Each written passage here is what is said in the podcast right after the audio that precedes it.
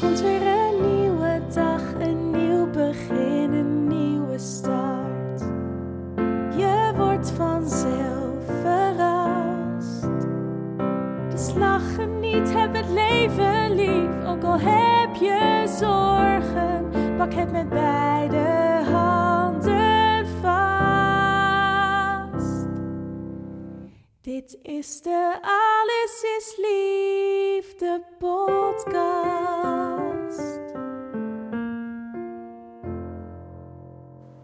Welkom, je luistert naar de podcast Alles is Liefde. Mijn naam is Rianne Roes, relatietherapeut, eigenaar van samenalleen.com en auteur van de dichtbundel Een Ode aan Jou. In deze podcast ga ik in gesprek met mensen die ik heel inspirerend vind over het leven, de liefde, relaties, seks, de dood. En in deze podcast hoop ik jou ook te inspireren. Ik wens je heel veel luisterplezier en mocht je geïnspireerd zijn geraakt door een onderwerp of door een gesprek, dan hoor ik het heel graag van je. En ik zou het ontzettend waarderen als je een review achter wil laten in de iTunes podcast app. Nogmaals, veel luisterplezier en een hele fijne dag gewenst. Dit is de Alles is Liefde podcast.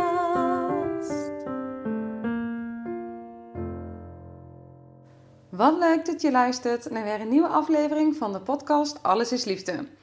Vandaag een gesprek wat ik had met Patty Duin in eh, Haarlem, Zandpoort Noord om precies te zijn.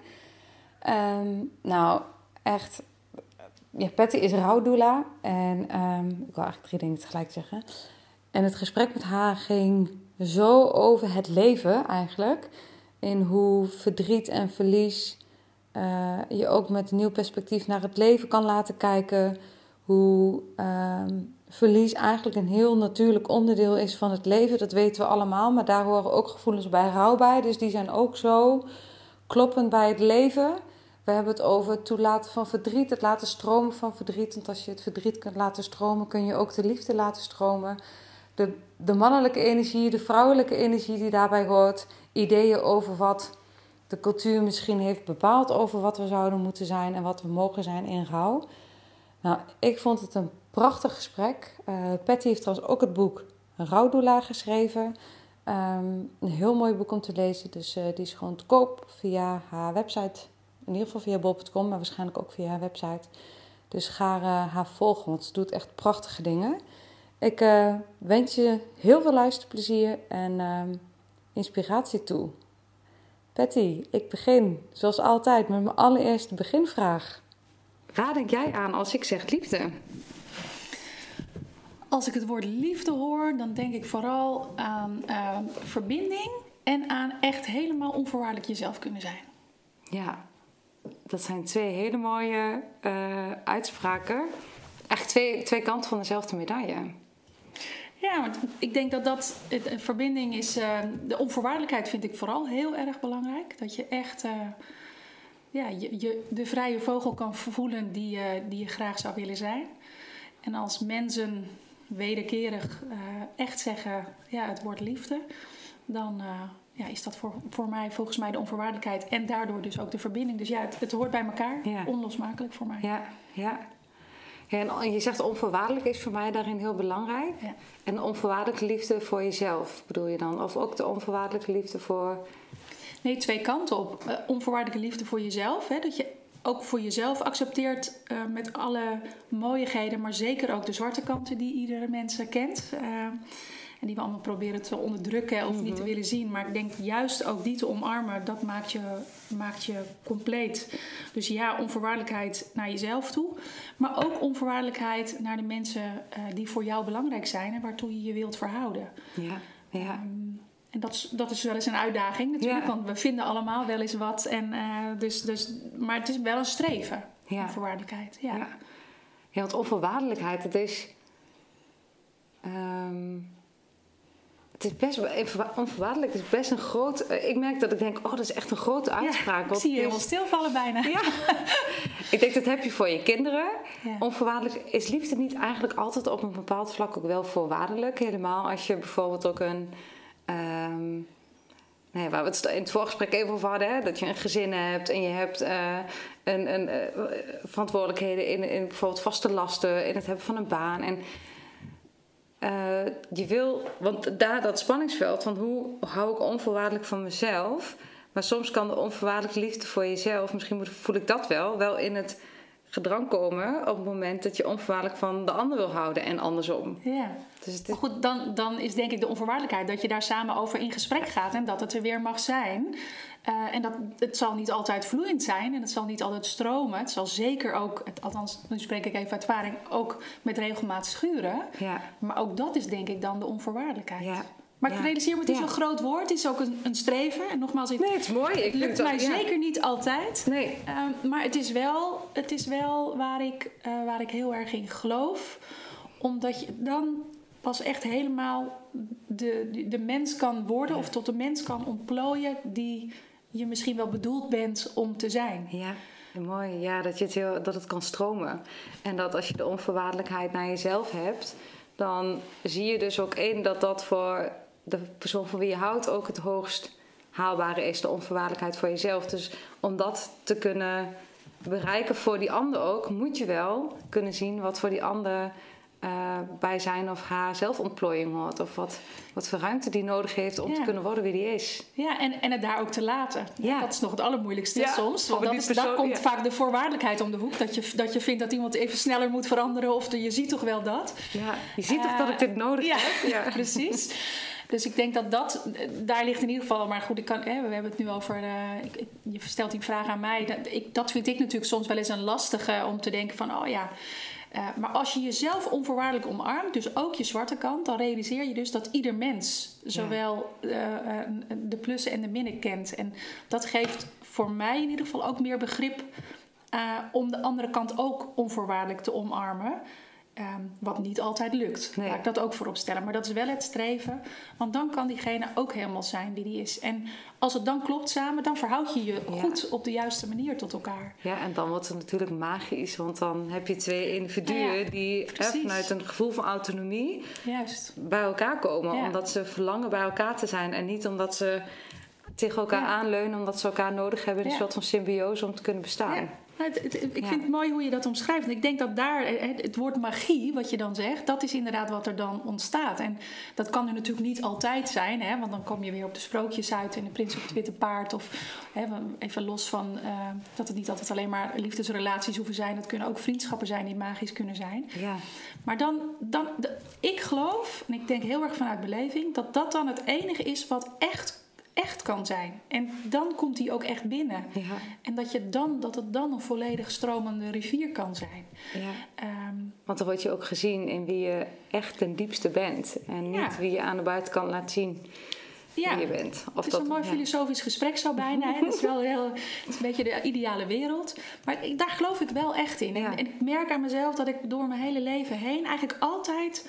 eh, soms dan ga je van dat pad af, maar er toch altijd weer de drang... en dat zal dat water zijn wat dan stroomt Mhm. in mij...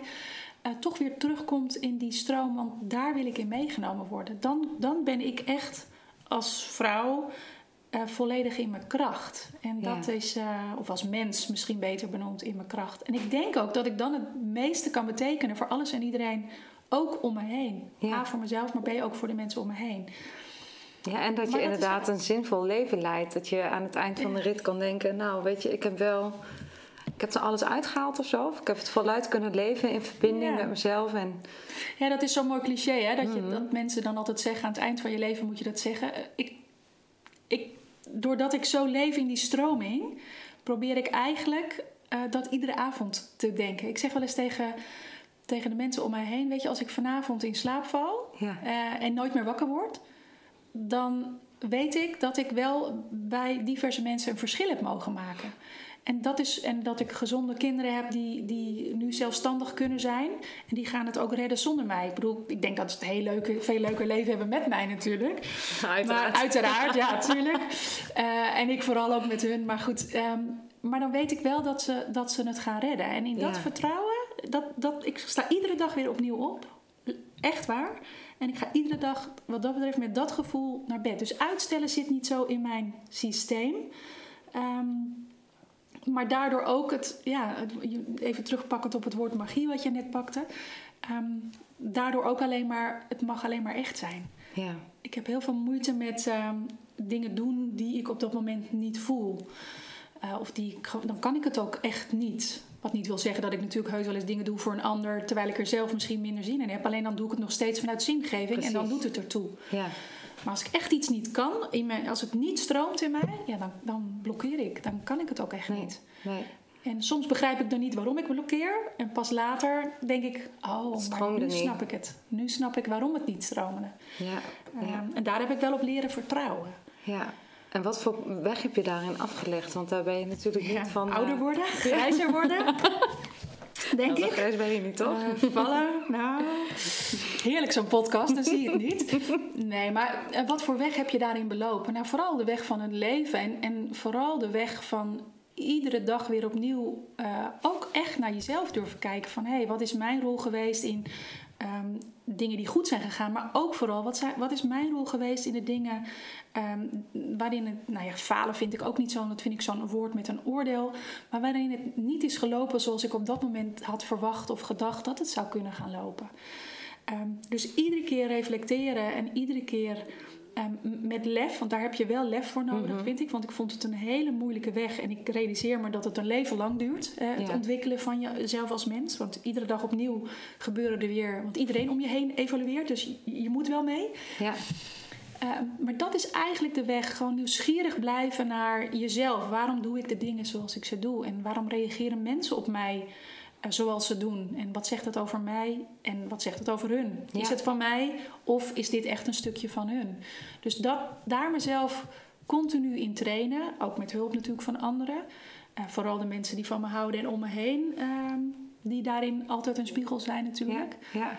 Dus ik, dat is denk ik het voornaamste. Maar vooral door vallen en opstaan. Ja, en vooral En ook- vallen en opstaan. Precies. En weer vallen en weer opstaan. En van het vallen kijken, eh, kijken wat, wat je nodig hebt om op te staan. Ja, Ja. echt, echt daarvan proberen te leren. Eruit proberen te halen ehm, ja, wat het heeft gebracht. Dus het stukje verlies, zeg maar. Het stukje verlies wat... wat Zoals het altijd met een mooi... Ik heb ooit een film gezien, volgens mij met eh, Will Smith. Collateral Beauty heet die, geloof ik. Hele mooie film. En het gaat over verlies, maar wat het ook brengt aan, Ja. aan mooiheid. Hè? Wat is Ja. de schoonheid die verlies met zich meebrengt?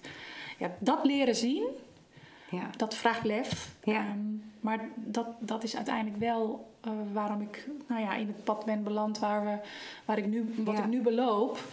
Eh, en waar ik in ieder geval het idee heb dat ik andere mensen ook in kan, eh, in kan raken en kan inspireren. Ja, eigenlijk is het vooral lef om in de, in de arena te gaan staan. Lef om je kwetsbaarheid te tonen. Lef om te laten zien dat je, ja, dat je ook op je bek gaat. En eh, Ja, ja, dat het bij jou ook pijn doet. En dat je ook wil zien hoe je dat verder kan helpen in het leven. En hoe het je een nieuw perspectief kan geven op het leven.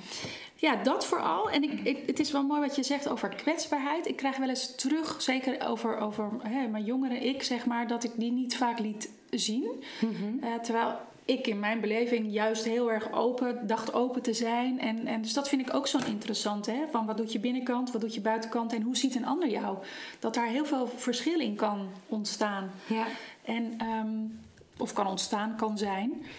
Ehm, want ik heb mijzelf wel altijd heel kwetsbaar gevoeld. Ja. En, ehm, dus ik denk dat naarmate ik ouder ben geworden, ik dat ook misschien meer ben gaan benoemen. En wat meer bewuster nog meer heb durven laten zien. Waardoor ook nog meer mensen, hè, dat is een beetje met de honing in de pot, eh, hoe werkt dat ook weer, die, ja, dat gezegde. Maar dat daar mensen juist zichzelf in herkennen. Omdat het toch een soort taboe is ja, van, oh ja, met verlies eh, kan, dit dus, kan, kan je dus ook nog steeds zo positief in het leven staan. Of, ja.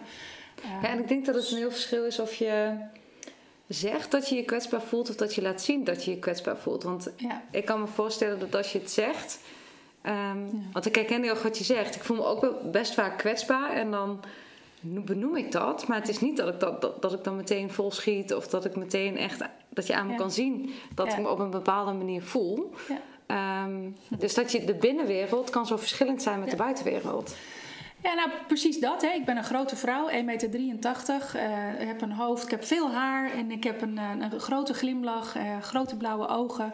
Dus dat is wat mensen zien. Hè. Dus ik krijg zo vaak terug, als jij de kamer binnenloopt, dan komt er echt iemand binnen. En of dat dan goed of slecht is, laat ik even in het midden. Maar er komt in ieder geval heel veel energie binnen. Dan verandert er iets.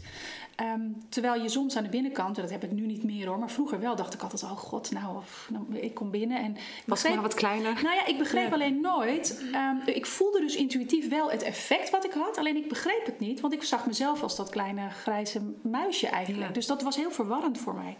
Naarmate ik dat ben gaan begrijpen, Ehm, ben ik er ook meer voor durven staan. Alhoewel dat nog steeds, maar daar zullen we vast later op anken, altijd nog wel een dingetje is van mij. Dat ik sta niet graag in de schijnwerpers. Alhoewel mensen mij wel zien als de vrouw met, kijk haar op de foto staan. Hè. Nou ja, mhm. Je hebt vast van je voorwerk gedaan. Dus je hebt wat artikelen gelezen. De Flair en de Happiness en de RTL Live en dan noem het maar op. Um, mensen maken, vinden het, een foto maken, het is meestal wel een aardige foto. Dat in combinatie met de dood is ook aantrekkelijk. Hè? Want heel veel levenslust versus de dood, nou dat is natuurlijk interessant. Ehm, terwijl, uh, ja, het is wel een... Um, wat wilde ik daar nou over zeggen? Het is een, ehm, ja, de, buitenkant die mensen ziet, die zien van, oh, maar zij redt het wel. Oh, kijk, ze heeft een mooi bedrijf. Of zij, uh, kijk, ja, zij is, zij is alleen komen te staan, maar ze heeft wel haar huis en ze heeft de auto. Dus ja, om haar hoeven we geen zorgen te maken. En dat is, daarom zei ik het. Want jij zei van, mensen zien dat niet. Terwijl ik dan wel eens dacht, ja, maar ik, ik vraag toch van, kom lekker eten. Of ik zeg toch, uh, maar blijkbaar was ik daar niet goed genoeg of duidelijk in. Of was, het de, was ik blijkbaar toch nog... Um, non-verbaal zo sterk dat een ander dat toch niet zag, of ik het dus niet toeliet dat ze het zagen. Nou, dat is dan de interessante, vraag. Ja, precies. Uh, waar ik nog steeds niet helemaal uit ben. Ehm, ik denk beide. Mhm. hè? Dus, dat, uh, dus daar probeer ik nu, zeker naarmate ik ouder word, um, ja, wel meer zachtheid in te geven. Mensen meer mijn zachtheid te laten zien. Uh, misschien gaat dat automatisch ook als je ouder wordt hoor, dat kan ook. Ik, ik was vorige week jarig. Toen had ik een uh, live blog uh, ingesproken en die ging over, die heette Een blik achterom. En ehm, daarin gaf ik eigenlijk het verhaal van, joh, als je achterom kijkt, wat je dan ziet, het vallen, het opstaan en dat, dat het allemaal bij jou hoort. Dat je verleden, je bent je verleden. Dus ja. ja. of je het nou leuk vindt of niet, eh, daar heb je het mee te doen en daar moet je ook je toekomst mee maken. Want je verleden is daarin dan ook je toekomst. Ja, je tenzij je andere keuzes maakt. Precies. Ja. En um, nou, ongelooflijk. Voor mij een heel, ja, eigenlijk helemaal niet zo'n ingewikkeld verhaal, want dat is wie ik ben. Ja. Ongelooflijk veel reacties. En wat, wat is dan de essentie van reacties? Wat, wat raakt mensen? Uh, herkenning van mhm. mensen, uh, maar ook van, uh, oh, zij heeft dat ook. Dus je kan dus en sterk en klein tegelijk zijn, blijkbaar. Ja. Um, oh, dat wisten we helemaal niet van je. Uh, nou ja, bijna, eigenlijk de essentie was bijna van, oh gelukkig, het is ook mens ja. of zo. Terwijl ik dacht, huh? Dat weet je toch inmiddels, maar Hoezo? blijkbaar is ik het doe toch nooit iets anders. Ja. Ik, doe al 48 jaar niks anders. Maar dus daar zit wel iets interessants over hoe de wereld naar je kijkt en hoe je dat zelf ervaart. En nou, daar zit blijkbaar een gebied tussen. Um, en dat gebied wat eigenlijk steeds kleiner, wat ik je wil zeggen, hè? waar je eerder misschien nog uh, meer ook kon varen op je Ehm, op je presentatie. Ja. Dat dat soms ook kon helpen. Tenminste, ik merk het bij mezelf. Dat ik soms van binnen echt wel onrust voel. Maar dan zeggen vriendinnen altijd tegen mij... Oh, maar je ziet het echt niet aan je. Dus dat is een soort van in een speech geworden. Dat ik dan maar denk... Oh, maar mensen zien het niet. En dat stelt mezelf dan weer gerust om het gewoon te kunnen spreken. Maar, ja, ja nou, ik weet niet of ik echt onrust heb. Ik, een voorbeeld. Ehm, ik had ehm, vorig jaar uh, werd ik gevraagd om bij RTL, bij de 5 uur show, een, een item te doen over rouw. En toen dacht ik, oh, televisie, verschrikkelijk. Ik hoef niet zo nodig in, hè, want dan is het weer mijn hoofd op die televisie waar men iets van vindt. En toen tegelijkertijd dacht ik, nee, maar Beth, je hebt een missie, namelijk het natuurlijk omgaan met verlies. Um, je, hebt je krijgt nu een podium dit is je missie, dus dit is wat je moet doen. En het gaat dan niet meer om jou? Nee, dat, dat probeer ik mezelf dan wijs te maken ook. En ik, misschien is dat ook zo, daar ben ik nog niet helemaal uit. Ehm, maar dat wil ik in ieder geval graag zo zien. Dus oké, ik besluit dat te doen. Uh, ook omdat uh, de uitgeverij het dan interessant vindt uh, voor je boek natuurlijk. Hè. Dus er zitten ook andere belangen achter. Dus, dus dan raakt het ook mijn loyaliteit een beetje. Maar vooral, ja. Um, ja, ook integriteit, maar ook meer van, uh, ja, dat, dat, dat is ook fijn voor de uitgeverij. Dus hè, dat moet Zo, dan ook op die manier gebeuren. Ja, ja, precies. Ja. Um, maar de, ik heb dan echt een rijk daarheen, heb ik echt kortsluiting in mijn hoofd. Oh, dan moet ik dat. En ik vind het namelijk echt niet leuk. Ik wil niet in die spotlights, omdat mensen er dan goed of slecht maar weer iets van vinden. He, dus dat, dat uh, rechtop staan voor wat ik vind, vind ik dus blijkbaar ingewikkeld omdat de discussie daarna vaak gaat over: oh, heb je haar weer met haar hoofd in krant, tijdschrift, televisie? Terwijl ik dacht: nee, ik ga, maar ik ga mijn missie verkondigen, want dat is waar ik in geloof. Nou, dan zit ik daar en het stroomt, want ik vind natuurlijk iets. Dus Ja. dan, er wordt er één vraag gesteld en ik doe mijn verhaal. Zit volledig in mijn kracht, ik ben die hele televisie vergeten. Ik ben gewoon in gesprek. Ja, ja. Jullie zien ook dat televisie natuurlijk ook maar televisie is. En, Dat Ehm, uiteindelijk iets wat ver weg lijkt. ja. Als je er middenin zit, denk je, oh. Precies, hè? Ja. dus, dus dat, dat is allemaal maar ehm, weer hoe we opgevoed worden, zeg maar. Ehm, dus mijn boodschap komt dan heel goed over. Ja, en het effect daarvan is dat je nog meer gevraagd wordt voor dat soort dingen.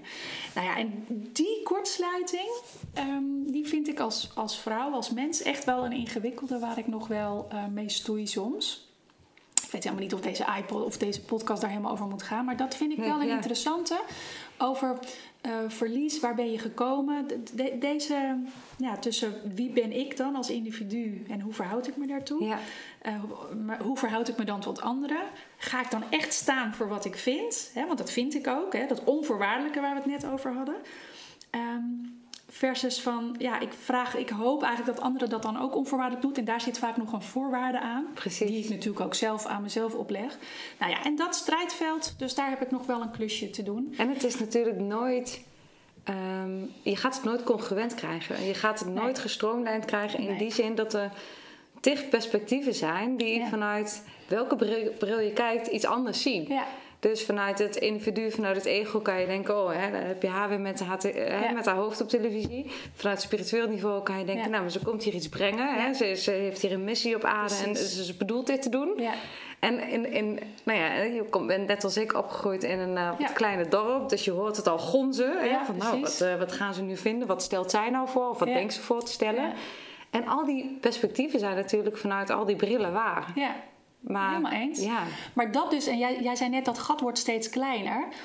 Omdat ik steeds beter begrijp en leer zien hoe dat functioneert. Hoe Ja. ik daarin functioneer, wat mijn rol daarin is. eh, wat de rol van de tegenpartij is. Wat dat zegt ook over degene die er iets van vindt. Hè, wat dat zegt over hun ontwikkeling. Ja. Nou ja, en dat doe je natuurlijk met je hoofd. Dus wat mij steeds beter lukt, is om mijn, mijn buik, om het maar zo te noemen, mijn intuïtie, mijn waar ik dus eigenlijk in golf. En het proces van, maar wat gebeurt er nu eigenlijk als je procesmatig kijkt hè, naar het systeem, Ja. mijn systeem om mij heen. Het lukt, het lukt me steeds beter ehm, om dat wel wat dichter bij elkaar te krijgen. En daar zit denk ik ook het stukje waardoor ik wat meer mijn kwetsbaarheid durf te laten zien, omdat ik daarin wat meer sta voor, oh ja, dit is echt waar ik voor sta. Ja. En, eh, en- los van mijn missie, maar ook als mens waar ik voor sta. En dat is gewoon hoe ik s'avonds naar bed wil gaan.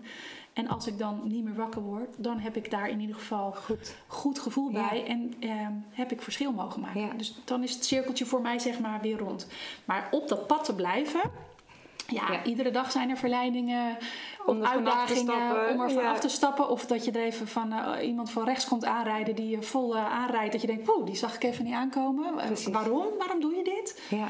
Oké, nou, kouwen, proberen te begrijpen wat er gebeurt. Uit te zoomen, integreren. Ja. En weer in dat kleine tussengebied te gaan zitten van, eh, oh ja, oh ja, nou ja, dit hoort er dus ook bij. Ook Ja. dit maakt kwetsbaarheid. Ja. Beetje ja. zo. in- Ja, En ik vind het wel mooi ook wat je zegt, hè, de thema's die je dan aanraakt in je, je, ja, je zoektocht. Dat het eigenlijk veel, wat ik hoor, is dat je gedurende de tijd door de reflectie, door het integreren, dat je al die, al die oordelen, al die gedachten, al die gevoelens, je intuïtie gaat zien als allemaal delen van jezelf. En dat je die in jezelf gaat integreren. Waar we Ja. in het voorgesprek over hadden, hè, dat jij een slagersdochter, ik een Ja. boerendochter. En Ja. dat je eerst daar heel erg van weg wilt. Ja, Maar het hoort ook bij je. Precies, en als je het kan ja. integreren, dan ja. is het, maakt het je als mens ook autonomer, stabieler. ehm, ja, kan je denk ik meer op je Ja. eigen kompas ook varen. Nou ja, dat. En daadwerkelijk onvoorwaardelijk van jezelf houden. precies. Ik ben die slagersdochter en daar ben ik eigenlijk gewoon ontzettend trots op. Precies. Terwijl vroeger dacht ik, oh, komt er weer aan met die term. Ik ben gewoon Patty, weet je, hou op met die slagersdochter. En nu, de, en nu in mijn werk, hè, als, ik, kom ik ook heel vaak... Mijn vader is al 30 jaar geleden overleden dit jaar. Ehm, ik kom hem zoveel tegen in mijn werk. Eh, eh, figuurlijk kom ik hem tegen, in situaties. In, eh, dat ik denk, oh, nou, ze spelen bijna een rollenspel wat mijn leven kan zijn. Of Ja. hè, dat ik ergens in getriggerd word. Maar ook letterlijk in de zin dat, mensen, dat ik mensen ontmoet die hem kennen vanuit die tijd. Of die met hem een deel van zijn leven hebben geleefd. Dus er komen verhalen los. Dus eigenlijk is hij nog, nog nooit zo dicht bij mij geweest ehm, als de afgelopen jaren. Ehm, terwijl ik, sinds ik actief ben in het hele, de wereld van rouw en verlies, Mhm. om het maar zo te zeggen. Dus dat is weer, eh, nou ja, collateral beauty, eh, om het Ja, maar zo te zeggen. Wat ik van tevoren nooit had bedacht. Nee. Eh, dus ja, je omarmt steeds meer. Oh ja, dat, ik, dat hoort bij mij. Ik ben die slagersdochter. Ik ben die, dat ondernemerskind. Je bent het Eh, allemaal ook. Je bent het precies, allemaal naast ja, elkaar. Je bent ja. het allemaal ook. En het, is, het mag er allemaal zijn. Dat is ook zo'n mooie, lekker zijige tekst. Maar toch is dat wel wat het is. En ehm, het maakt mij de volledige mens die ik nu ben. Met alle ook onvolkomenheden die ik ongetwijfeld ook nog eh, bij mij draag. Maar eigenlijk ben ik daar gewoon wel heel blij en, en trots op. Ja. Dus dat Ja, maakt dan- wie je bent. Ja, dat maakt eh, mij alle kleuren die ik ben, zeg maar. Ja, dan hoef je niet een poppenkast nee. op te houden van... oh, mensen zien mij zo. Dus ik, hè, je wil steeds een soort van ehm, verwachting waarmaken. Terwijl je nu vanuit, meer, van- echt vanuit je intuïtie, vanuit, ja, vanuit je kern kan leven. Maar nu wat heel happiness misschien, maar... Ja, ja, maar toch is het wel waar het over gaat. En, en mensen zeggen wel eens tegen mij, van, eh, die mij tegenkomen in mijn werk. Hè? Want eh, ja, ook zo'n mooi gesprek over werk en privé gescheiden houden. En hoe doe je dan dat de hele dag met de dood omgaan? Hoe doe je dat in privé? En dan zeg ik altijd, ja, maar ik ben, ik ben gewoon Patty. En ik ben 24-7, ben ik dezelfde persoon. Ja, maar dat kan niet, want je moet je werk loslaten. En, en ik zeg, A, is het geen werk? Natuurlijk verdien ik er ook, hè, moet mijn huis betaald worden en heb je een ba- basis om, om te leven. Maar ik ben echt niet aan het werk. Dit is wie ik ben. Ja. En, en dus of ik nou bij mensen kom die met verlies te maken krijgen, of die ziek zijn, of, eh, of dat ik privé met mijn vriendinnen in de kroeg een gesprek heb. Ehm, ik verkondig hetzelfde verhaal. Ik ben ook dezelfde met dezelfde lach of met dezelfde tranen. Of ik ben daar niet anders in. Nee, nee. En ik denk dat dat ook de kracht is waarom eh, nou ja, inmiddels het bedrijf is zoals het is gegroeid. En, en mijn omgeving privé is gegroeid zoals het is gegroeid. Ja, omdat dat blijkbaar toch fijn is voor mensen. Ze weten ook wat ze aan me hebben. Precies. Hoe ingewikkeld ze Het is niet dat leven jij soms ook vinden. Ja, ja, precies. Maar het is niet dat jij je uniformpje voor elke context Nee. klaar hebt hangen. Nee, En denkt van, oké, nu, eh, nu ben ik met Rianne in de podcast. Trek mijn blauwe blouse aan. Ja. En straks... eh, precies. ja, dat, dan wordt het allemaal rollen. Maar jij hebt... Hè, Ik kan het ook echt niet. Nee. En ik denk ook dat het verlies in je leven ertoe bijdraagt om meer vanuit je kern te leven. En dus gewoon, gewoon tussen aanhalingstekens gewoon, eh, kan zijn wie je bent. En dat, dat als je verlieservaringen doorleeft, dat Ja. daarmee je eigenlijk ook gaat evalueren van... doe ik nog wel de dingen die ik Ja. wil doen? Nee, helemaal waar wat je zegt, maar vooral het woordje doorleefd is. Daar, daar haak ik op aan. Want kijk, mensen die verlies ervaren, er zijn natuurlijk heel veel vormen van verlies. Eh, verlies door inderdaad een overlijden, maar ook verlies van vriendschappen, verlies van relaties. Eh, verlies van gezondheid, niet te vergeten. Verlies van een toekomstbeeld wat je voor ogen had. Hè, denk aan eh, ouders die een eh, meervoudig gehandicapt kind krijgen bijvoorbeeld. Die hadden een beeld van de toekomst wat, wat anders wordt. Nou, ga, ga je er maar toe verhouden. Ja. Ehm, dus dat je verhouden tot verlies, dat is één. En wat ik dan heel vaak in mijn praktijk zie, is dat er een, een tweedeling is, even heel zwart-wit gezegd, van mensen die ehm, het verlies eigenlijk zeggen van Patty, hoe vaak moet ik met je wandelen en dan is het dan over. Of met mensen die, die het aandurven of aan kunnen, want iedereen wil het wel, maar niet iedereen kan het ook. Ehm, en durven ze die pijn te, doorleven. Ja. Daarom haak ik erop aan. Want dan, ja, dan kan je er iets mee doen. Dan ga je je verleden met je meedragen. Hè? Want mensen zeggen altijd het woord verwerken. Je verwerkt verlies. Nou ja, eh, Manu Kiers is er een mooi voorbeeld van. Die, die, die is daar, hè, zo vroeger predikte die het verwerken. En nu noemt hij het ruilarbeid. Nou, past veel beter. Het is gewoon knetterhard werken. Het doet hartstikke zeer. Het is Ja. echt niet leuk. En het is levenslang, ook nog eens. Dus je komt er nooit meer vanaf. Nou, dat is ongeveer de eerste boodschap die ik tegen mensen ook zeg. Als ze zegt, Patty, wanneer houdt het op? Ik zeg nooit. Nooit. Nou, lekker dan. Ja. Nou, waar betaal ik je dan voor? Nou, om dit tegen je te zeggen. Ja. Ik zeg alleen, we gaan ons ertoe verhouden. Ik ga je helpen. Ik, ik ben de handen in je rug. Je, je gaat vallen, je gaat opstaan, je gaat nog honderd keer vallen. Maar je gaat het redden. Ja. En dan komt er weer ruimte voor levenslust. En dat is wat ik ga doen en dat is wat ik kan bieden. Maar jij moet het doen. Jij moet de ballen hebben, zeg ik dan maar even heel hard gezegd. Ja. Om te durven vallen. Om gewoon En te durven voelen ook, hè? om te durven voelen, om te zeggen: Jeetje, wat doet dit zeer, dit verlies? Hè? Ik had een toekomstbeeld met een gezond kind, nu krijg ik een meervoudig gehandicapt kind. hoe dan? Hoe ga ik mijn leven vormgeven? Nou, en dan, dan Ja. zie je, eh, kijk, en, en in die situatie ga ik vooral ook zoeken naar mensen die ervaringsdeskundig zijn. Want ik kan veel mensen eh, een stuk met ze meelopen. Maar ik heb geen meervoudig gehandicapt kind. Sterker nog, ik heb twee fantastisch gezonde kinderen. Dus dat vind ik dan altijd een lastig terrein. Hè? Want wie ben ik om daar iets over te zeggen? Alleen het stukje verlies, omgaan met dat verlies, daar kan ik iets zinnigs Ja. over zeggen. Ja. En dan koppel ik ze weer aan mensen die over dat stukje wat kan, kan kunnen zeggen. Totdat ze weer verder kunnen. En dan weer twee jaar eigenlijk, nou ja, het leven leiden zoals ze dat leiden. En eigenlijk goed gaan. Totdat eh, hun vrienden kinderen hebben die bijvoorbeeld eh, de middelbare school afronden. Of ehm, ja, dan doet hij weer even zeer. Oh ja, dit hadden wij ook. En dan komen ze weer bij mij op de lijn. En dan wandel ik weer een stukje met ze mee. Nou, waarom ik dit allemaal vertel, heeft echt te maken met het doorleven van verlies. En nou, daar kan ik wel over meepraten als ik achterom kijk. Ja. Ehm, in de vormen natuurlijk van een verlies van een vader, maar ook verlies van vriendschappen, eh, verlies van relaties, ehm, een huwelijk wat een andere vorm heeft gekregen. ehm, ja, eh, zoeken naar wat is dan liefde in een liefdesrelatie voor mij? Hoe werkt dat dan wel? Of werkt dat misschien wel niet voor mij? Nou ja, dat hele zoektocht, dat is ook verlies. Dus nou ja, dat is dan wel weer ook het mooie van het leven, maar dat is ook het moeilijke. Maar Ja. ik geloof Ja. wel dat je, ja, daar heb je het mee te doen. Ja, en het is ook het soort ehm, verlies wat je laat stilstaan, of je nou wil of niet, eh, Ja. bij je eigen keuzes. Ja, Want in mijn voorbereiding zag ik dus dat je ooit, ik ga het even opzoeken, account manager, hypotheekmanager bent geweest. Nou, dat, dat lijkt in de beste Ja. vette misschien niet op wat je nu doet. Nee, klopt. Ik was verantwoordelijk inderdaad voor de commerciële afdeling bij een volmachtbedrijf. Dat zijn verzekeringen, hypotheken. En dus ik was verantwoordelijk voor eh, franchisekantoren die inderdaad hypotheken en verzekeringen verkochten. Hè, dus niet adviseren, verkochten. Ehm, dus dat was een Excel-wereld, om het maar even zo eh, Mhm. zwart-wit te zeggen. En eh, eigenlijk vond ik dat ook heel erg leuk, want dat ging ook over mensen. Alleen ik merkte toen al, dat is natuurlijk een, be- beetje een mannencultuur was dat, want we praten echt over, eh, nou ja, wat is het, 15 jaar geleden. En toen ik in die wereld kwam was het 1997, dus lang geleden. Ehm, er was een en al man daar. En dat maakte mij natuurlijk uniek, waardoor ik mezelf ook kon zijn. Want ik was nagenoeg de enige vrouw. In de jaren die daarna kwamen, kwamen er steeds meer vrouwen. Er waren nog geen regels voor vrouwen, dus eigenlijk kon, Nee. jij, kon je ze zelf bedenken. Nou ja, precies. Dus ik, ik heb toen ook niet ervaren dat ik anders was. Of anders dacht, zeg maar. Even Nee. los van mijn vrouw zijn.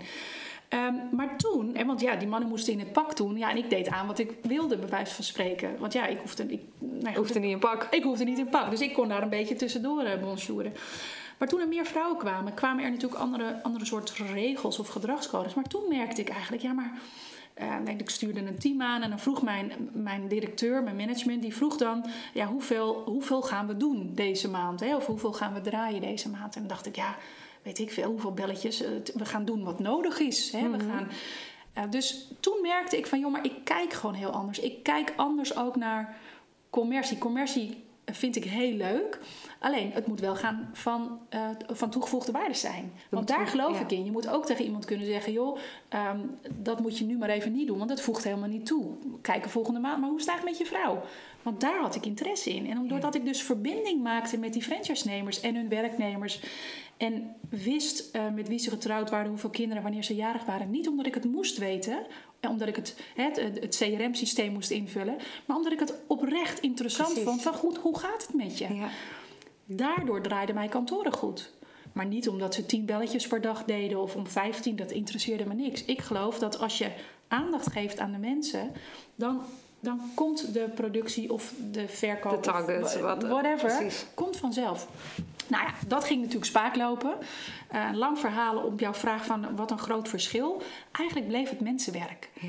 Maar je Ehm, bent je meer gaan verdiepen in het mensenstuk. Ja, en ik, dus ik ben op een gegeven moment ben ik ehm, eh, in het hospice eh, als vrijwilliger ehm, aan de slag gegaan. Omdat ik naast die Excel-wereld, zeg maar, en, en mijn manier hoe ik dat doe. Ik ging natuurlijk steeds meer stoeien met die directeur.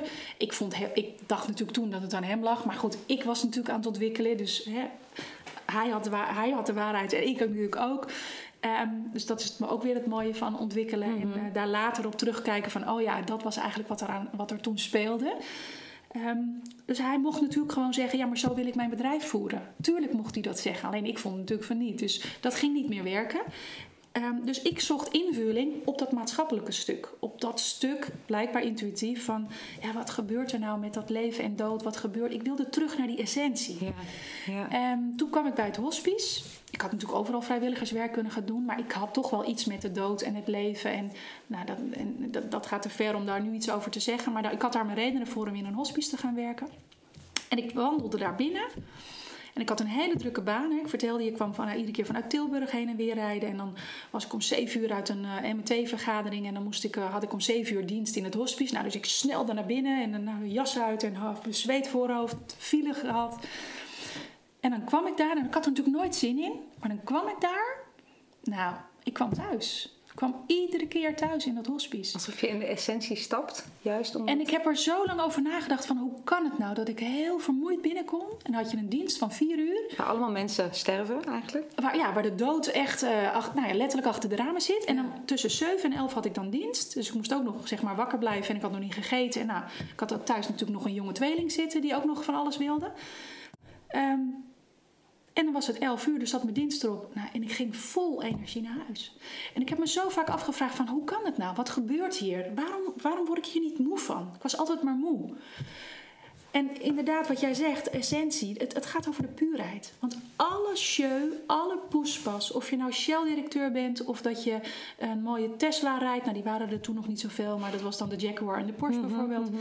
Ehm, of welke Armani-pak je nou hebt, of dat je uh, onder de brug vandaan bent gekomen. Iedereen die zeg maar in de laatste fase van zijn leven zit, dan gaat het over menselijkheid. Dan gaat het over uh, ik heb droge lippen, wil je ze even nat maken? En dan gaat het over een watje met water, wat je op iemands lippen kan doen. Daar werd ik gewoon heel gelukkig van. En dan dacht ik, jezus man, waar gaat het toch allemaal over in het leven? Ja. Alle bullshit valt weg. Alles viel weg. En, en, en wat ik toen leerde over mezelf, want uiteindelijk... Mm Ik heb heel veel kunnen geven daar, maar ik, heb, ik ben zo verrijkt in die tijd dat ik in het hospice heb gewerkt. Is dat ik heb mezelf leren begrijpen over waarom ik um, heel vaak pas kan communiceren met mensen als er geen poespas is. dus ik, ik, ik had heel vaak weerstand als er mensen waren die een gesprek voerden waar het in mijn beleving nergens over ging. Het ging namelijk allemaal over ja, dingen die er niet toe doen. Het is natuurlijk niet altijd eerlijk, alleen ik begreep het niet van mezelf. En, en raakte dan uit verbinding. Ja. ja, nou ja, dat denk ik. En in het hospice was het allemaal raak. Het ging allemaal, er was geen ruis. Dat woord gebruik ik heel vaak. Er was geen ruis. En toen begreep ik het heel goed. En toen merkte ik dat, maar als ik geen ruis heb, wow, wat komt er dan een kracht in mij vrij? En van daaruit ben ik gaan en kijken. levenslust eigenlijk. Ja, en levenslust en energie. En nou, gewoon een, een stuwmeer wat open gaat. Gewoon dat water, dat woef, dat stroomde. Nou, en ieder steentje wat er lag, dat was... Die zag ik niet eens. Hup, die ging opzij. Dus er waren geen, geen beperkingen bijna. Dus um, nou ja, van daaruit zag ik ook van jeetje, wat, er is heel veel zorg voor degene die ziek is in het bed. Maar wat gebeurt er met het systeem eromheen? Kinderen, ouders, uh, vrouw ligt in het bed, gaat dood. Uh, man zit er maar naast, al, want mevrouw is al anderhalf jaar ziek. Dan zei ik wel eens, weet je, hoe gaat het met u? Nou, dikke tranen, had nog nooit iemand aan hem gevraagd. Nu zijn we 15 jaar verder en, en, wordt er steeds meer oog voor de palliatieve zorg gebracht. Maar toen was dat nog echt een ondergeschoven kindje. En toen dacht ik, jeetje, uh, maar natuurlijk verandert jullie huwelijk. Natuurlijk uh, kinderen die uh, mama al de hele tijd een, een inko om moeten doen. Ja, het moet, niet, het moet niet hoeven. Natuurlijk doen kinderen het, want mama is ziek. Maar eigenlijk draait alles om de zieke. Terwijl er in zo'n systeem zoveel scheuren plaatsvinden. En het verlies al veel eerder in gang gezet is. Vanaf dat je bij het ziekenhuis wegfietst, is het verlies daar. Ja. En um, nou goed, toen ben ik gezinscounseling en zo gaan doen. Want ik wilde gewoon begrijpen wat er allemaal gebeurde. En toen gebeurde in privé situatie ook van alles. Nou, alles dat weer bij elkaar. Hè, want hoe, hoe is je pad uh, belopen? Allemaal in mijn rugzak gedaan. En ja, daar ben ik op een gegeven moment eh, steeds meer ingetrokken. Dat ik dacht, ja, maar hè, dan krijg je een soort van... Ja, maar dat moment ben ik in mijn kracht. Daar moet ik meer mee doen. Daar wil ik meer mee doen. Blijkbaar moet ik daar iets, heb ik iets te brengen daar. Ja. Of blijkbaar heb ik daar iets te doen. Nou, toen kwam eigenlijk het stukje. Dus toen heb ik heel vaak gezinnen om, om het bed begeleid. In de terminale fase, gewoon thuis. Uh, uh, gezinsgesprekken, systeemgesprekken, geven een mooie term aan. Eigenlijk gewoon koffie drinken met het gezin. Hoe gaat het met jou? Hoe gaat het met jou? Leg alle taboes op tafel. Wat vind je moeilijk? Nou ja, ik vind het wel moeilijk dat mijn vrouw ziek is, want ik mis de intimiteit. Ik mis mijn vrouw. Die ben ik eigenlijk al kwijt.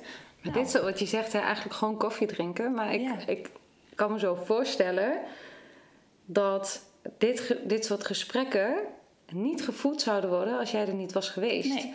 Want als ik, nou ja, ik kom dan zelf uit de achterhoek. Bij ons is het als er een verlies is, dan. Ja. En dat is natuurlijk in de loop van de jaren ook wel veranderd. Ik wil niet de achterhoek helemaal eh, disqualificeren op dat vlak. Maar dat er heel veel gesprekken gewoon niet gevoerd worden. En ook Ja. nog steeds niet dat, dat ik ook nu in de omgeving merk... nou, er is iemand echt heel erg ziek. Echt, eh, ja, je zou het terminaal kunnen noemen. En dan wordt er eigenlijk bijna niet over gesproken. Er wordt Ja. heel praktisch hulp geboden, maar Ja. eigenlijk geen verbindende hulp. Van jeetje, hoe heftig is dit voor jou? Of hoe verhoud je je tot het feit dat ineens het leven weer zo ja. ja, onzeker kan zijn en ergens ook onveilig? Maar dat gesprek heeft niemand. Maar dat is wel wat jij dan faciliteert. Mooi Want- woord, verbindende hulp. Ja, Ja. Had ik zelf moeten bedenken. Ja, die hou ik erin. Die neem ik even mee, die Ja, pik dat ik. Ja. Nou ja, kijk, het, is, dat, het klopt dat dat gesprek, ehm, het zal vast links en rechts natuurlijk ook echt wel eens gevoerd worden. Want de functie, wat je, dat, dat is bijvoorbeeld ook zo'n zo'n item, maar we, we gaan van de hak op de tak. Kijk, de geestelijk verzorger van vroeger, hè, die had eigenlijk dit soort gesprekken in het gezin. Een huisarts van vroeger, die echt het gezin kende. Dus praat ik echt over wat de rol van een huisarts. Die had dit gesprekken met gezinnen. Maar tegenwoordig Maar is dat, is, is dat echt zo? Want, wat- nou, ik geloof wel dat, want die zaten veel dichter in een, in een en praat ik echt over vroeger, hè, die zaten veel dichter in een, in een eh, gezin ook. Ja, of ze altijd de juiste dingen zeggen, ik was er niet bij, dat weet ik niet. Maar Nee. zo stel ik het me wel voor Ja. in ieder geval, dat een huisarts vroeger veel dichter op een Ja. gezin zat. En, en een, ges- een geestelijk werker vanuit een kerk, ge- geloofsgemeenschap bijvoorbeeld, eh, veel meer wist wat er speelde in een gezin. Ehm, en dus die gesprekken op een verdiepingsniveau met elkaar konden hebben. Nou, dat is natuurlijk allemaal in deze tijd. Is dat er allemaal niet? Zijn we ook niet mee opgevoed? Hè? Als er iets is, los het op en eh, alles is maakbaar. ja. Ehm, maar ik merkte heel sterk in het hospice dat, dat die behoefte... Ik zag dingen stuk gaan gewoon waarvan ik dacht... Wat zonde als die mensen dat uitspreken naar elkaar. Want dit, is, dit gaat al over rouw. En ehm, het feit dat... eh, Ik noem nu even... eh, Ik, laat ik het voorbeeld even omdraaien, anders stigmatiseren we zo. Hè, dat een man doodziek is en, en terminaal is en de vrouw naast het bed zit. Wat je dan vaak ziet is dat de vrouw gaat natuurlijk heel erg in de zorgrol. Maar ze verliest gewoon haar man. Maar uiteindelijk is het vaak een jonge vrouw die natuurlijk ook gewoon de behoeften en de gevoelens heeft. En de drang heeft om met vriendinnen af en toe iets te doen. Of eh, eh, intimiteit te hebben die op dat moment niet meer kan. Wie ziet haar dan nog in Maar haar... dat mag niet ja. genoemd worden, want ja, je hebt een zieke man en dus. Ik weet nog heel goed dat voorheen had je die film van Er komt een vrouw bij de dochter Mhm. van Kluun. Ik, heb- ik heb die film toen destijds, ik weet, nu, ik weet niet precies, ik denk dat het al eh 15 jaar, 20 jaar geleden is, ik weet het niet echt. Toen ik die film zag, dacht ik, wat een prachtige film. Terwijl vriendinnen van mij, of mijn omgeving, zei echt belachelijk. Hij gaat vreemd en... eh, Mhm. en ik, toen merkte ik ook bijvoorbeeld, ik dacht, hé, ik kijk heel anders naar die film. Ik bedoel, natuurlijk is het een commerciële film en ze hebben het wat vergroot. En Ja. Nou ja, of je alles moet goedkeuren wat hij doet, is weer is het tweede. Maar er zit natuurlijk een verschil tussen iets goedkeuren en iets op een ander niveau ook weer En snappen. En ook eh, denken, Ja. oh ja, maar als jij je op die manier staande kan houden om vervolgens een vitale man te zijn in een heel Ja. ziek, ziek, letterlijk ziek eh gezinssysteem van dat moment. Ja. Ja. Dus ik keek ernaar en ik zag die film en eigenlijk zag ik alleen maar liefde en onmacht. Dat is wat ik zag. En iemand anders zag het, het keurslijf van de maatschappij van ja, maar je hebt een zieke vrouw, dus je gaat toch niet met een andere vrouw. Hè, eh, je, pleegt overspel. ja. Nou, Maar ik, de vraag ik, is ik of- begrijp er ja, niks van, joh. ja. Ik begrijp er echt niks van. Pas later dacht ik, oh ja, dit is dus precies. I- ieder mens kijkt anders naar de wereld. Maar ik zag iemand die worstelde met het verlies van zijn gezonde vrouw. Eh, daar heel veel moeite mee had, omdat hoe, hoe doe ik dat? Want ik hou van haar, ik wil voor de zorg. Ik zie nog dat beeld hoe die er optilt en Ja. in bad legt met zoveel liefde. Ehm, om vervolgens er in bed te leggen. En daarna, weet ik veel, ging hij dansen, geloof ik, in de kroeg. En dan zie je een hele discotheek helemaal met drank en alles. Ik snap het. ja. Ik snap het. Want hij verliest niet alleen zijn gezonde vrouw, ook zo'n complete toekomstperspectief. Het hele beeld Ja. wat je gecreëerd hebt samen, een droom die je samen wil verwezenlijken, Ja. die ineens uit elkaar spat. Nou ja, dat verliest hij. En tegelijkertijd ehm, eh, zit hij ook in het nu met gewoon zijn eigen gevoelens, behoeften en verlangens. Gewoon Ja. om gezien te worden, Als om mens. ook even gekoesterd te worden, om eh, man te zijn, om seks te hebben, om weet ik veel. Hè, wat bedenken- Vastgehouden te worden in plaats van alleen maar. ja, de vasthouder zijn. Dus Ja. ehm, nou ja, het, ik begeef me altijd op glad ijs merk ik als ik over die film spreek. Maar het is wel echt hoe ik, hoe ik naar deze situaties kijk. En ik, als ik in deze situaties kom bij gezinnen en dit bespreekbaar maak, dan is het natuurlijk pijnlijk. Want het is niet leuk om te horen dat je vrouw eigenlijk baalt van het zorgen voor jou, omdat jij uh, iedere keer die katheter aangeleverd moet krijgen of een inkooproekje moet hebben. Weet je, het is voor die man ook verschrikkelijk. Want je verliest je mannelijkheid, er gebeurt enorm veel. Ja. En tegelijkertijd, als we het dan vanuit zachtheid benaderen van joh, jij hebt je rouw en jouw stuk met verlies, maar zij ook. Maar dan benader je het vanuit liefde. En, vanuit, als je dan, en dan hè, over de onvoorwaardelijkheid waar we het in het begin over hadden, dan zie je dus die ander ook in zijn volledige mens zijn. En niet meer in een objectivering van wat jij op dat moment nodig hebt. En dan komt er veel meer begrip. En zo verliefd, ja. En, en dan kan er weer verbinding ontstaan. En, wat, en wat je vaak ziet gebeuren, is dat er dan ehm, eigenlijk weer een soort van verliefdheid kan ontstaan omdat ze elkaar weer vinden op een vlak. En ook begrip hebben voor elkaar.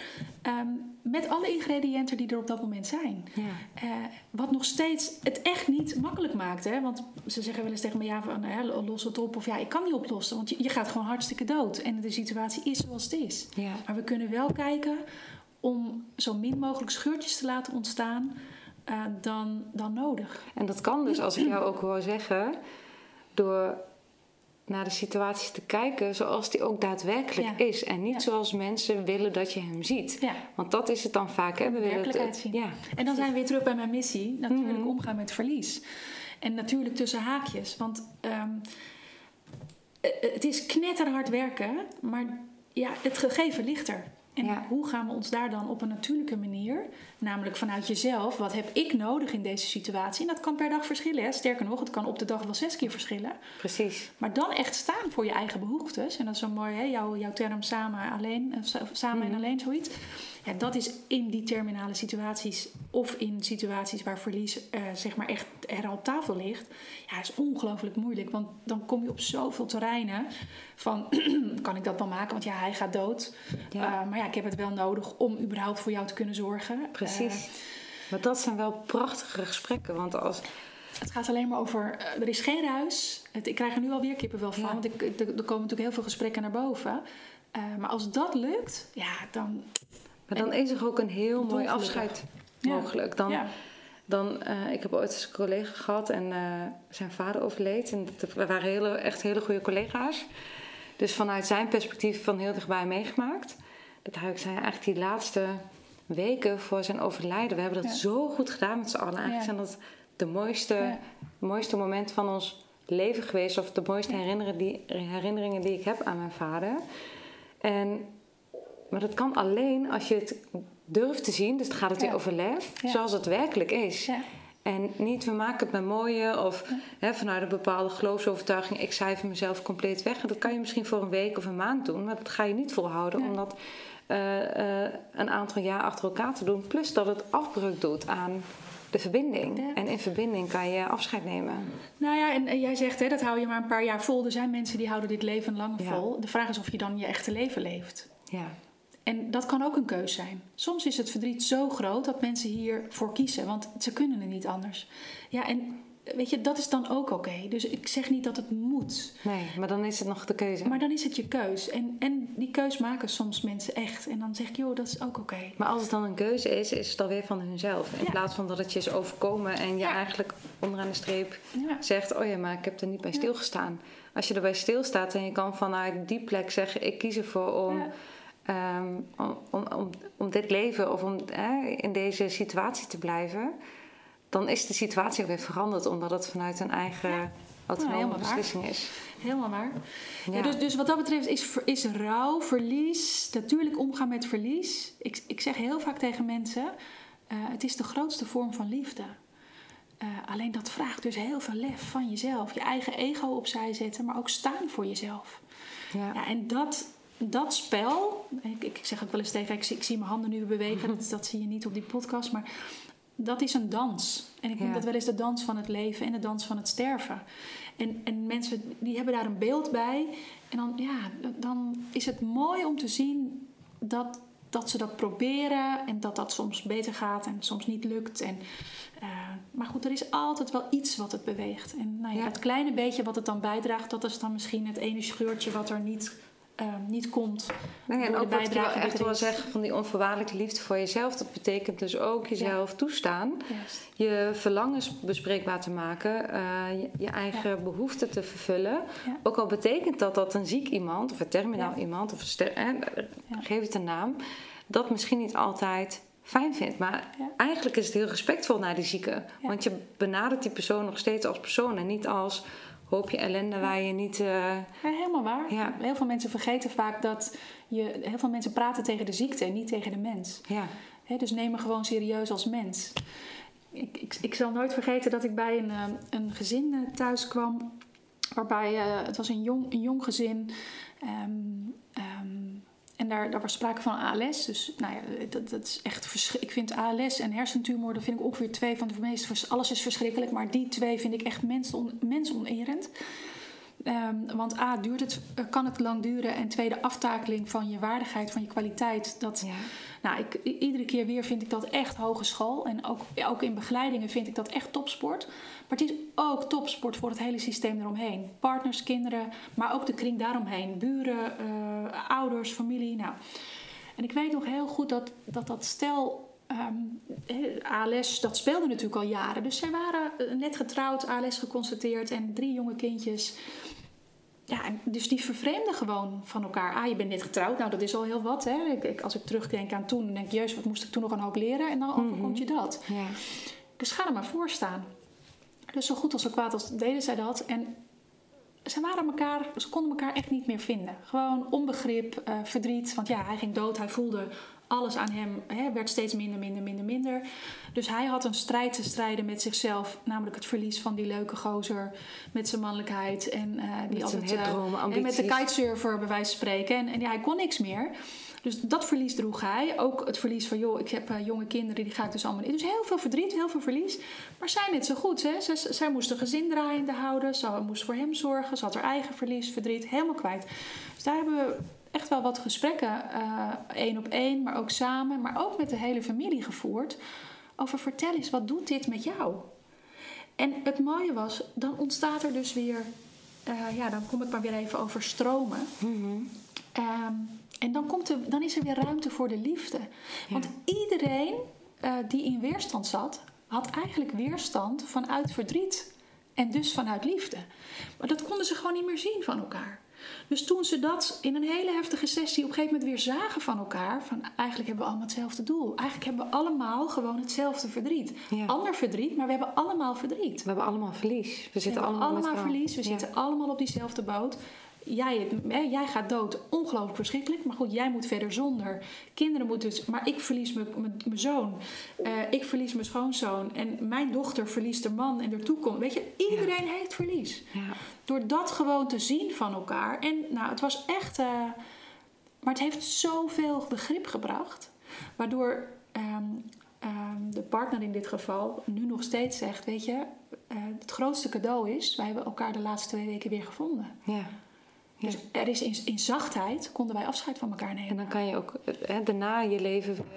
Dan kunnen er ook dingen uitgesproken worden. En dan kan je ook Ja. daarna weer Ja. jezelf toestaan gelukkig te worden Ja. en te zijn. Ja. En niet eh, te blijven. Dat, is, dat vind ik ongelooflijk mooi aan, aan, aan verlies, om het maar zo gek te zeggen. Ehm, als het je lukt om er naar te kijken, om, er, om het te doorleven, om echt het, en dat is echt knetterhard werken, levenslang. Maar dan, dan gaat die zon weer schijnen. Ja. En dan kan je het leven weer omarmen. Met momenten waarop je echt wat verlies ongevraagd eventjes naar boven komt. Eh, van, oh, oh ja, wacht even. Oh ja, hier zit nog een stukje. En daar soms- ga je weer ja. eventjes een pleister nou ja, opplakken. Of liever geen pleister, laat het maar even eruit Ja. gaan. En laat het weer zachtjes helen. Soms kan het ook fijn zijn om weer dat gevoel te Ja. voelen. Omdat je dan weer even in verbinding bent met iemand die is overleden. Dat je denkt, oh maar je, je bent er nog wel steeds. Je bent niet weg. Absoluut. Dus ja, het is een, ehm, een hele mooie cirkel van het leven, vind ik het. Ehm, heel uitdagend. Met heel veel, eh, nou ja, bochten die af en toe eh, ja, niet leuk zijn. Nee. En Maar als je tegelijkertijd zegt, is eh, dat ja, wel de enige echtheid. Ja, want je hebt het over rouw en levenslust. En ik denk dus dat als je de rouw echt kan doorleven... en dat is geen gouden regel of zo, het is geen wet... Maar wat ik veel zie, wat ik zelf heb ervaren bij mezelf, maar ook in mijn omgeving, dat als je het echt door kan doorleven, de rouw, is dat uiteindelijk een soort van kwadraat voor je levenslust. Ja. Dat je denkt, ja, fuck it, ik ga ook niet meer doen wat allemaal iedereen voor mij bedacht heeft. Ik ga dan ook keuzes maken waarin ik voel, ja, maar dit heb ik hier te doen. Of hè, hier ga ik voor staan. Je bent denk ik minder geneigd je te conformeren aan, ja, misschien culturele normen en waarden Ja. die impliciet... Ja. Ja, ik denk dat je on- meer onvoorwaardelijk, meer tegen het onvoorwaardelijke van jezelf houden aankomt. ja. Dat is, dat Ja. denk ik. En of ik ooit de volledige onvoorwaardelijkheid ga redden, dat, eh, nou ja, ik hoop het. Maar misschien Ja. ben ik dan een monnik eh, in Nepal volgend leven. En misschien hoeft dat ook niet, hè? Want Nee, ik maar geloof goed, het is een streven. Maar, ieder eh, mens heeft toch zelfafwijzing in zich. We zijn oh, uiteindelijk... zeker. Ja, misschien, weet ik veel, misschien als ooit alles eens van je wegvalt en inderdaad je eh, met 101 eh in het bejaardenhuis zit en denkt, ja, dit- Ja. ja, ik weet niet. Oh nee, zeker hoor. Ik vind dat een uitdaging van hoe... Hè, ik, ik, ik, wat ik hier helemaal... eh, ik weet niet hoe lang we al zitten te praten... maar op een gegeven moment in het gesprek aangaf over de kortsluiting... Hè, tussen staan en, en mijn missie verkondigen. En dan, dan kan ik groot zijn. Groot in, in, Mhm. zijn, om het maar zo te zeggen. Eh, ja, en, en hoe verhoudt zich dat tot je vrouw zijn? Dat vind ik zelf ook altijd een hele ingewikkelde... Hè, want Ja. vrouwen horen kwetsbaar en zacht. En ik denk dat ik dat ook Bescheiden. allemaal ben. Maar hoe, dienstbaar. hoe gaat dat samen? Zo'n Ja. mooi boek van eh, Pamela, hoe heet ze ook weer? Eh, dat heet De Verborgen Vrouw. Echt een heel mooi boek. Ehm, dat gaat over de mannelijke energie en de vrouwelijke energie. Nou, dat vind ik zelf ook altijd zo'n ehm, ja, interessant onderwerp. Van ja, je bent het allebei. Ja, dit is mooi. Ik heb eh Carla Clarissa Oké, ja. geïnterviewd. Nou, zij staan natuurlijk ook Ja. helemaal... eh, Ja. Oh, nou, ja. zal ik eens luisteren? Ja, eh, nou, het was ook echt een heel leuk eh, gesprek geworden. Inderdaad, hoe je je Ja. vrouwelijkheid, je vrouwelijke energie in balans kan brengen met je mannelijke energie. Ja. En hoe dat ja, eigenlijk ook voor levenslust zorgt. Uiteindelijk is het vrouw, ik ben nu Simone de Beauvoir aan het lezen, haar Oh, ja. eh, biografie. Ja. Dat zij ook zegt ehm, eh, over dat, dat, dat hele idee over vrouw. Wanneer ben je vrouw? Ja. Is is Ja. het alleen biologie of is het context? Ja. Is het eh, psychologie?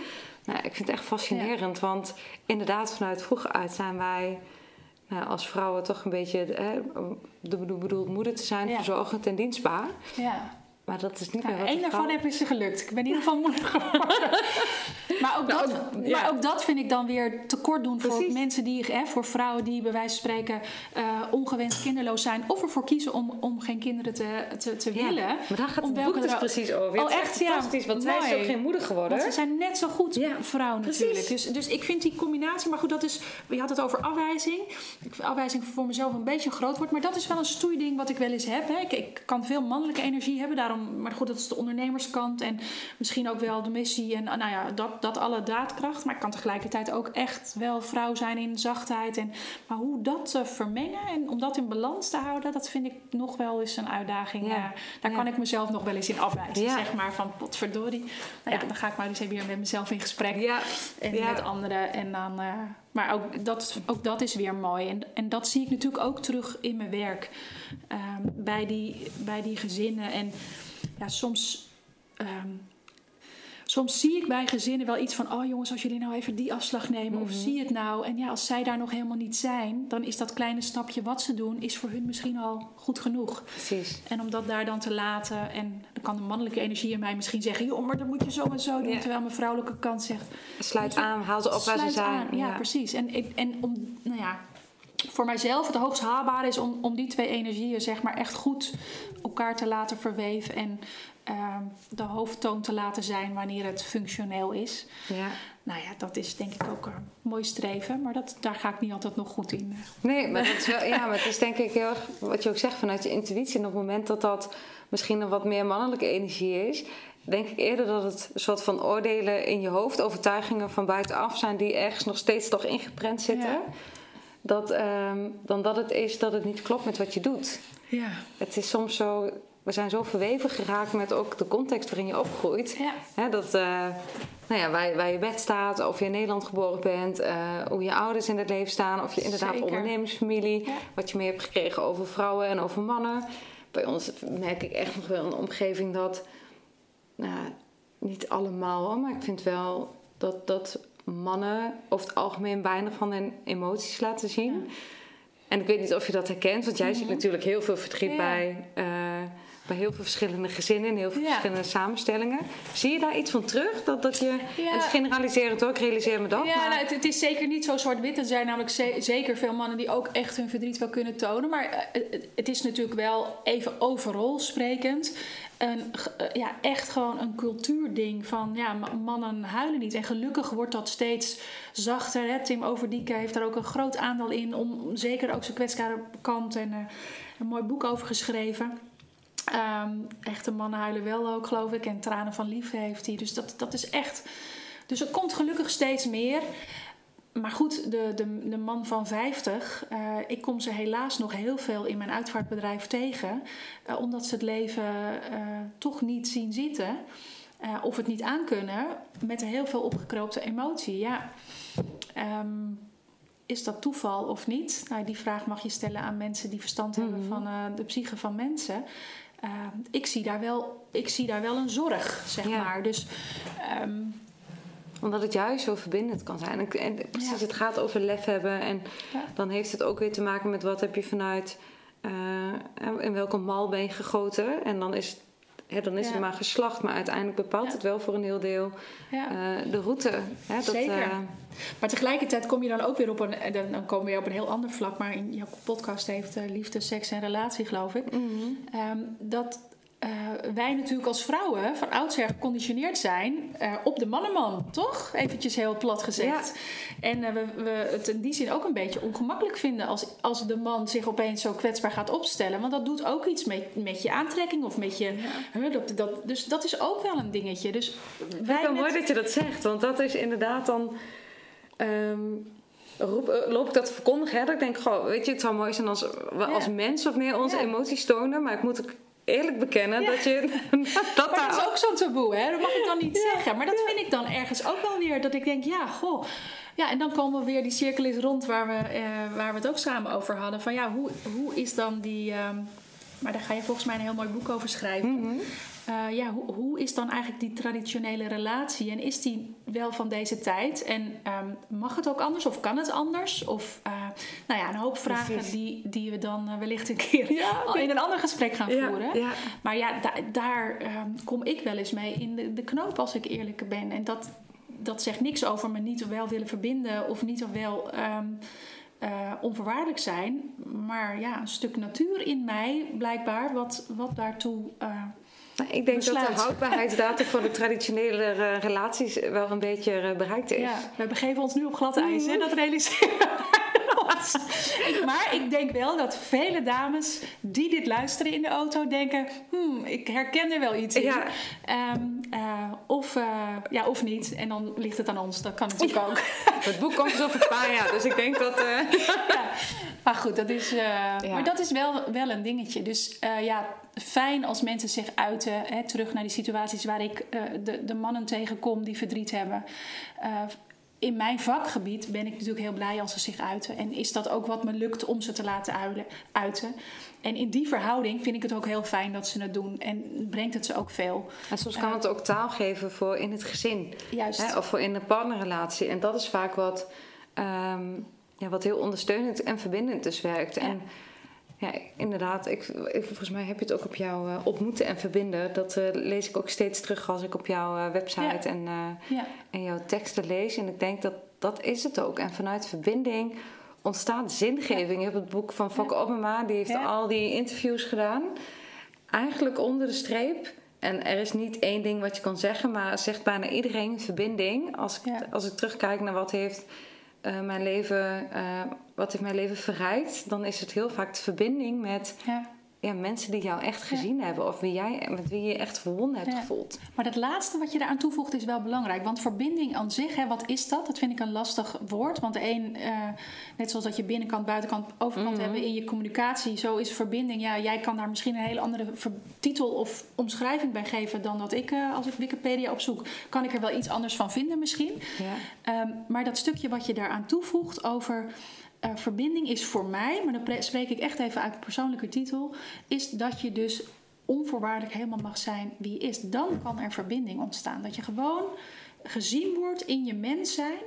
Ehm, met alles wat daarbij hoort. Leuk, stom, uh, gekkigheid, uh, onbegrip, alles. Leven, dood, kwaad, goed, ja, alles, dan is ja. er echt verbinding. Ja. Dus echt verbinden, dat zul je niet met heel veel mensen, denk ik. Uh, ik hoop het steeds meer, maar dat is natuurlijk wel hogeschool. Want dat is kwetsbaarheid. Dat Precies. is denk ik kwetsbaarheid. Maar ik denk eerst meer, eerst heb je heel veel vanuit je middelbare school. Dat je denkt, nou, ik heb zo'n hele sociale Ja. kring. En ik merk echt nu, ja. nou, het zijn er drie mensen. Ja. Ik heb wel veel mensen die, met wie ik gewoon lekker in de, in de kroeg een biertje drink. Maar. Maar het is anders, toch? ja, Maar wat ik wel even, eh, dat is ook misschien ook, eh, wat ik nu bijvoorbeeld, eh, we leven nu terwijl dit opgenomen wordt in coronatijd natuurlijk.